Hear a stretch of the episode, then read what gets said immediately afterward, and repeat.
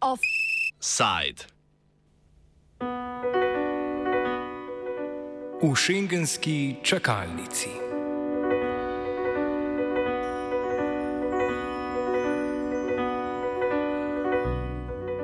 Hrvaška včeraj ni proslavljala zgolj novega leta, temveč tudi vstop v šengensko in evrsko območje. Medtem ko je hrvaški premijer Andrej Plenković z evri že plačal kavico predsednici Evropske komisije Ursuli von der Leyen, pa je šengenska usoda Romunije in Bolgarije še vedno nejasna. Toni Bračanov, urednik neodvisnega obalnega radia, ki je ob odprtju obiskal enega od mejnih prehodov, komentira, kaj se je dogajalo ob odprtju meje med Slovenijo in Hrvaško. Ja, mi smo prišli pred malo, malo pred polnočjo, pa že takrat policaji niso gledali več dokumentov, bilo dosti avtov, uh, dosti ljudi, zdaj na hrvaški strani je bil prav organiziran koncert in prav je, da prišli so vsi te v pokoju omejni policaji pa dosti se je čutilo tega istarskega narečja, se je čulo tako, da ja, pol, ko je nastopila polnoč, pač se je praznovalo in obeležilo ta simbolni padec meje oziroma teh mejnih prehodov. No ja, no pač meja je itak umetno postavljena in pač je že stoletja interakcija, pač je to prehajanje, ne. Evropska komisija je novembra ocenila, da so Hrvaška, Bolgarija in Romunija pripravljene na vstop v šengensko območje. Po mnenju komisije so države izpolnjevale vse zahteve za vstop. Zadnjo besedo o pridružitvi šengenskemu območju imajo notranji ministri šengenskih držav, ki so se sestali v začetku decembra. Avstrija je blokirala vstop Bolgarije in Romunije, Nizozemska pa le Bolgarije.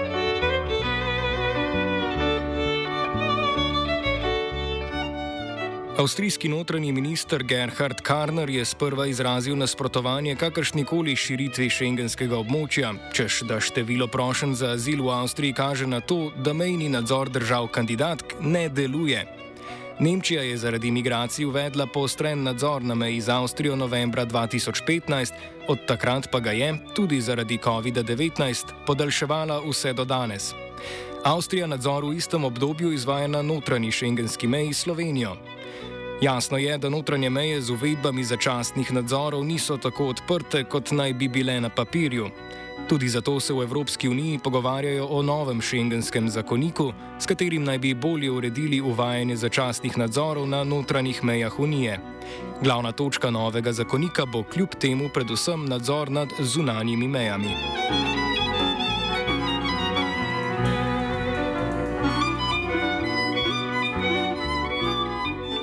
V lanskem letu je za azil v Avstriji zaprosilo več kot 100 tisoč beguncev, od tega jih je tri četrtine v Avstriji tudi ostalo. To je krepko več kot prejšnja leta.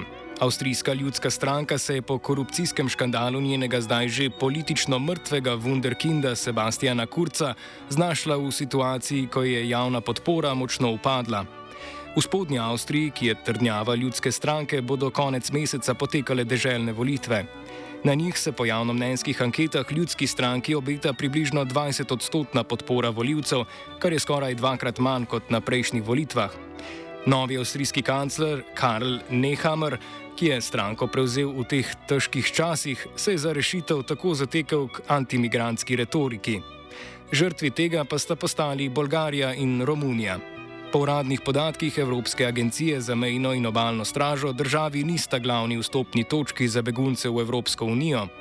Avstrijsko notranje ministrstvo je dalo izdelati lastno študijo, ki pa ni javna. Po tej študiji naj bi kar 40 odstotkov prosilcev za azil v Avstrijo prišlo prek Mačarske, vanjo pa iz Romunije in Bolgarije.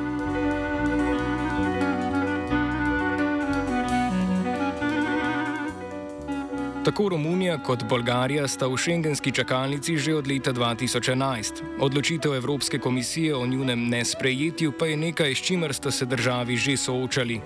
Več o vlogi Avstrije pri zavrnitvi Romunije v šengensko območje pojasni antropolog Florin Poenaru, ki deluje pri nevladnem projektu Critic Attack. but I don't think it was just uh, Austria being like this kind of crazy uh, country opposing uh, out of nowhere or out of spite or whatever other political reasons uh, Romania's accession. I think it was more like a consensus within the EU itself that prevented these two uh, countries to enter Schengen. So I think this is just a decoy, and I think it actually functioned. If I can open uh, this space, I think it actually functions very well to deflect attention also and rage actually also in in Romania because uh, instead of seeing the broader picture in relation to Schengen and in relation to Romania's place in the EU, after the announcement, Austria played this kind of um, role, uh, like the, the bad guy role uh, against which Romanians can express their frustration and uh, spite and all the and all the, the rest of the negative feelings. So uh, yeah, I don't think it has anything to do with Austria as such. Sogovornik nam je povedal tudi, zakaj je bila Romunija v trenutnem političnem kontekstu zavrnjena. Volatile uh, situation that is uh, uh, happening in um, uh, at the borders of Romania, meaning Ukraine. Of course, you have the we have the war uh, going on, and a lot of um, refugees coming from uh, from Ukraine. Uh, so this is a very recent development that happened throughout uh, last year, which I think completely diminished the um, chances of uh, Romania um, entering Schengen.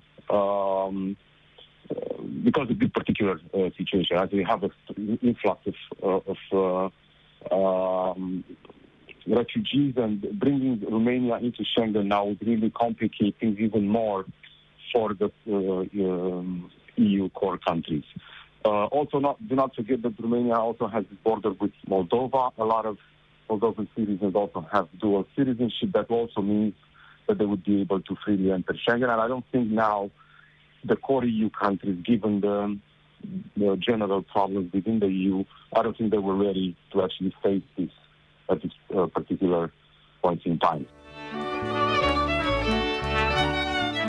Po mnenju sogovornika, Romunija ni edina država, ki se sooča z izzivi pri izpolnjevanju kriterijev za vstop v Schengen. Nadzor na mejah, zlasti zunanjih, je namreč pomemben za vse šengenske države. could be. I think it's an important issue, but at the same time, I think this is a um, issue for also the existing uh, Schengen um, countries and for uh, EU um, member uh, states uh, in general, right? This issue of borders and generating the flows of and regulating the flows of uh, migration and managing them, I think it's a huge problem for many Schengen countries and many EU member countries as well. Like look what happens in Greece Italy, Spain, and so on and so forth. Right? These are the most notorious examples because we see uh, all these news, dramatic news with refugees either dying or either living in absolutely horrendous situations in these EU uh, countries, right? And they are not um, um, managing these uh, fluxes of, of, refugees and migrants particularly well uh, either, unless we consider letting people uh, drowning a way of managing uh, migration fluxes. So I think this is a challenge for the entire European Union, uh, for existing members of Schengen as well. And I think it's also, yes, part of the reason why Romania and Bulgaria probably were not convincing enough to the other member states that they will be able to regulate fluxes of migration in a context of war. Right? Romania has border with the uh, country that is in war um, right now, and uh, of course, uh, this war will for sure uh, escalate, which will basically mean more refugees, more people trying to enter the EU. So um, these two elements combined, I think, advise against bringing in Romania and with it, of course, Bulgaria in this in this context. So yeah, I don't. I, I think it's a huge challenge for all European countries, not just for Romania and Bulgaria. Po enaru meni, da je v času pandemije novega koronavirusa prišlo do neke vrste zamrznitve šengenskih pravil o prehajanju državljanov med članicami. Vsaka država je namreč upeljala svoja pravila za vstop oziroma izstop državljanov in tujcev. Sogovorec predstavi svoj pogled na prihodnost šengenskega območja in posledice pandemičnih ukrepov zanj. Nature and uh, future of Schengen area itself. Right? And we have seen many recent examples, especially in the recent past with the pandemic and so on. And we've, we've seen how um, relatively easy is for uh, each European country to basically suspend the Schengen agreement on its own will. Right? Remember what happened in the pandemic when all of a sudden there was no coordination and countries started to close their borders even though they were part of Schengen.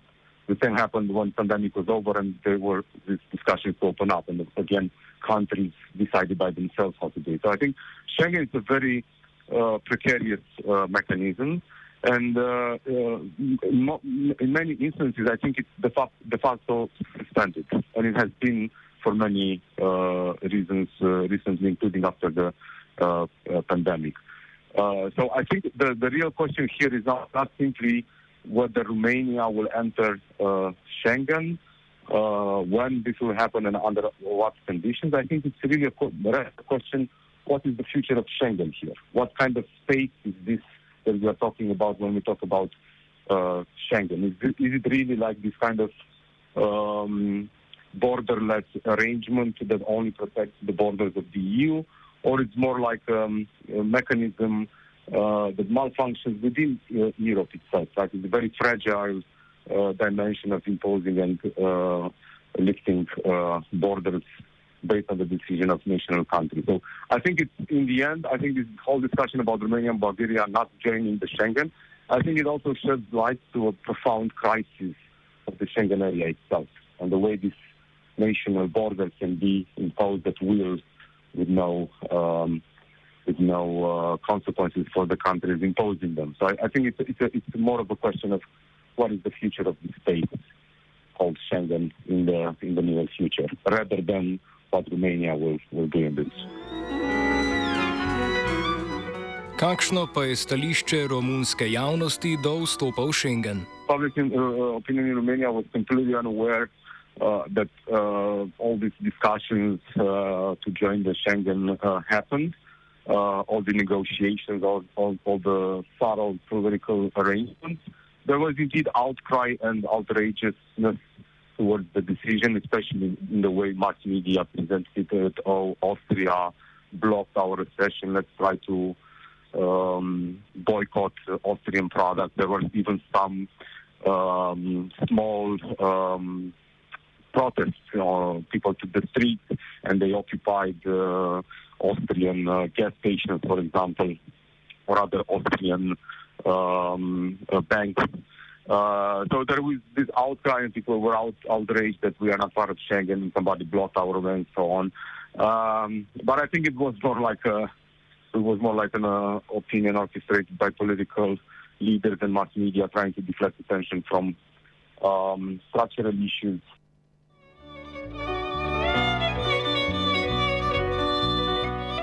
Nizozemska je sicer sprva podala veto na vstop tako Romunije kot Bolgarije v šengensko območje. Kasneje je država veto proti Romuniji umaknila, še vedno pa nasprotuje vstopu Bolgarije. Um, uh, the negotiation war, if you want, a fog of um, the political arrangements uh, behind closed doors. I think it was just uh, an element to through confusion and uh, dispute and basically uh, generate uh, conversation topic after the vote instead of addressing the uh, the real issue. And as I said, I don't think um, uh, we can scapegoat um, any country in this. It can be Austria, it can be um, the Netherlands as well. Um, I really think it was the political consensus or wider political consensus within the uh, EU uh, to stop both Romania and uh, uh, both Romania and Bulgaria to join in, uh, precisely because of the two reasons I mentioned earlier: huge turmoil at the borders of Romania right now, both with Ukraine but also with the Republic of Moldova. Um, and the second, of a failure of the Romanian political class to actually implement necessary reforms to actually prove that they can um, uh, manage the borders, and also a failure to communicate and negotiate politically with the European class. So I, I think these two elements have to be taken uh, together as the real factors behind this uh, behind this rejection. Whoever voted uh, and what what strategies there were there, it doesn't really matter uh, uh, in the end. I think these are the two main structural reasons that uh, led to this outcome. Hrvaška se je neodobravanju šengenskih držav uspela izogniti in s tem uspešno postala ena izmed njih. Več o hrvaškem izpolnjevanju pogojev nam pove Milena Zajovič iz nevladne organizacije Are You Serious? Da, čini se da je Hrvatska u tom smislu bila neka vrsta dobrog učenika za Europsku uniju, odnosno mi smo zaista na jedan vrlo brutalan, nažalost, način e, pokazali da možemo usporiti pritok ljudi prema Europskoj uniji. Naravno, mislim, to nije nešto što se može zaustaviti evidentno je da, da su mnogi ljudi, to vi u Sloveniji najbolje znate, i dalje prolazili kroz Hrvatsku. Tako da ne bih rekla da hrvatski ulazak u Schengen posljedica toga da smo mi zaista uspješni u zaštiti hrvatske granice, kako bi se to reklo, ali mislim da je Hrvatska stavila veliki politički naglasak, čak i retorički politički naglasak na tu zaštitu granice i to je očito nešto što je Europskoj komisiji jako dobro sjelo. Svet Evropske unije se je poleti že strinjal o splošnem pristopu k reformi zakonika o šengenskih mejah. Reforma predvideva štiri večje spremembe na področju upravljanja migranske in mejne politike.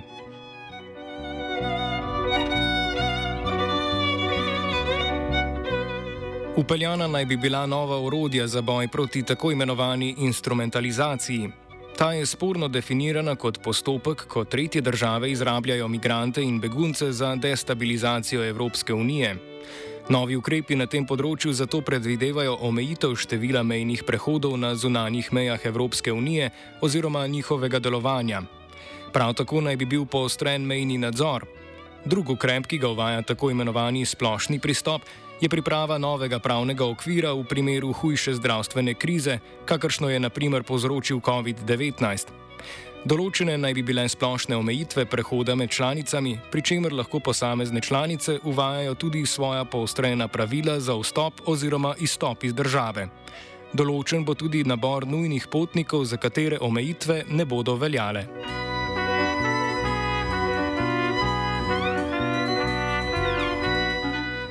Tretji večji ukrep je snovanje pravnega okvira, s katerim bi ponovno uvedli mejni nadzor na notranjih mejah, torej mejah med posameznimi članicami šengenskega območja. Prav tako pa naj bi bili uvedeni alternativni ukrepi za tak nadzor. Povečali naj bi učinkovitost policije v regijah držav članic, ki predstavljajo zunanjo mejo šengenskega območja. Upeljan naj bi bil tudi nov mehanizem obravnavanja nedovoljenega gibanja migrantov z neurejenim statusom znotraj Unije. Mehanizem bi državi članici omogočal, da državljane tretjih držav, ki nezakonito prebivajo na njenem ozemlju, vrne v državo članico, iz katere so prispeli. Kaj bi prinesla reforma zakona o šengenskem območju, je pojasnila sogovornica. Da, mislim, šengenski granični kod je sada dio jedne šire reforme koja se zove Novi pakt o azilu i migracijama. Na razini tijela Europske unije i tu se nekako pokušava zapravo još više eksternalizirati menadžment migracija, bih rekla. Mislim da će u narednim godinama zbog cijelog legislativnog paketa puno veći naglasak i puno više zadataka, recimo to tako, biti na zemljama koje čak nisu članice Europske unije. Dakle, u našem kontekstu to znači da će zemlje poput Crne Gore, Bosne, Srbije i Sjeverne Makedonije imati zapravo zadatak e, raditi taj neki migration management e, za Europsku uniju. Isto kao što se Hrvatskoj dugo govorilo, evo ako ovo napravite dobro ući ćete u Schengen. Tako je sada čini se neka vrsta političke poruke iz Brisela. Ako zaista želite napredovati u svojem putu prema članstvu Europskoj uniji, trebate na neki način brinuti o, o, o našem problemu migracija. Kaj pa bi reforma pomenila za novo šengensko članico? Kako će hrvatski ulazak u Schengen utjecati na cijelu tu geopolitičku stvar, za sada je još uvijek teško reći. Znam da su se mnogi brinuli da li će se to značiti neprobojne granice odjednom. Ja mislim da neće. Mislim da nije realno očekivati da na našoj najdužoj kopljenoj granici odjednom se sada, ne znam, stvori neki desetmetarski neprobojni zid koji bi onemogućio uh, daljnje kretanje ljudi. Međutim, ono što znam je da je naglašeno da će sada sve više hrvatskih policajaca zapravo raditi tu kontrolu granice duboko u terenu same Hrvatske, vjerojatno sa ciljem da spriječi veći broj ljudi koji bi išli dalje prema Sloveniji, kao što to do sada bio slučaj. Očitno je torej, da pri vstopu države v šengensko območje pomembno vlogo igra njen nadzor zunanjih meja. A še pomembneje od tega je, da si država lahko izpogaja politično podporo. Po drugi strani je jasno, da z vsemi začasnimi nadzori notranjih meja Schengen ni tako zelo prosto območje gibanja za ljudi, kot naj bi bil. Spremembe šengenskega zakonika bi te notranje nadzore bolje formalizirale, zagotovo pa jih ne bi preprečile.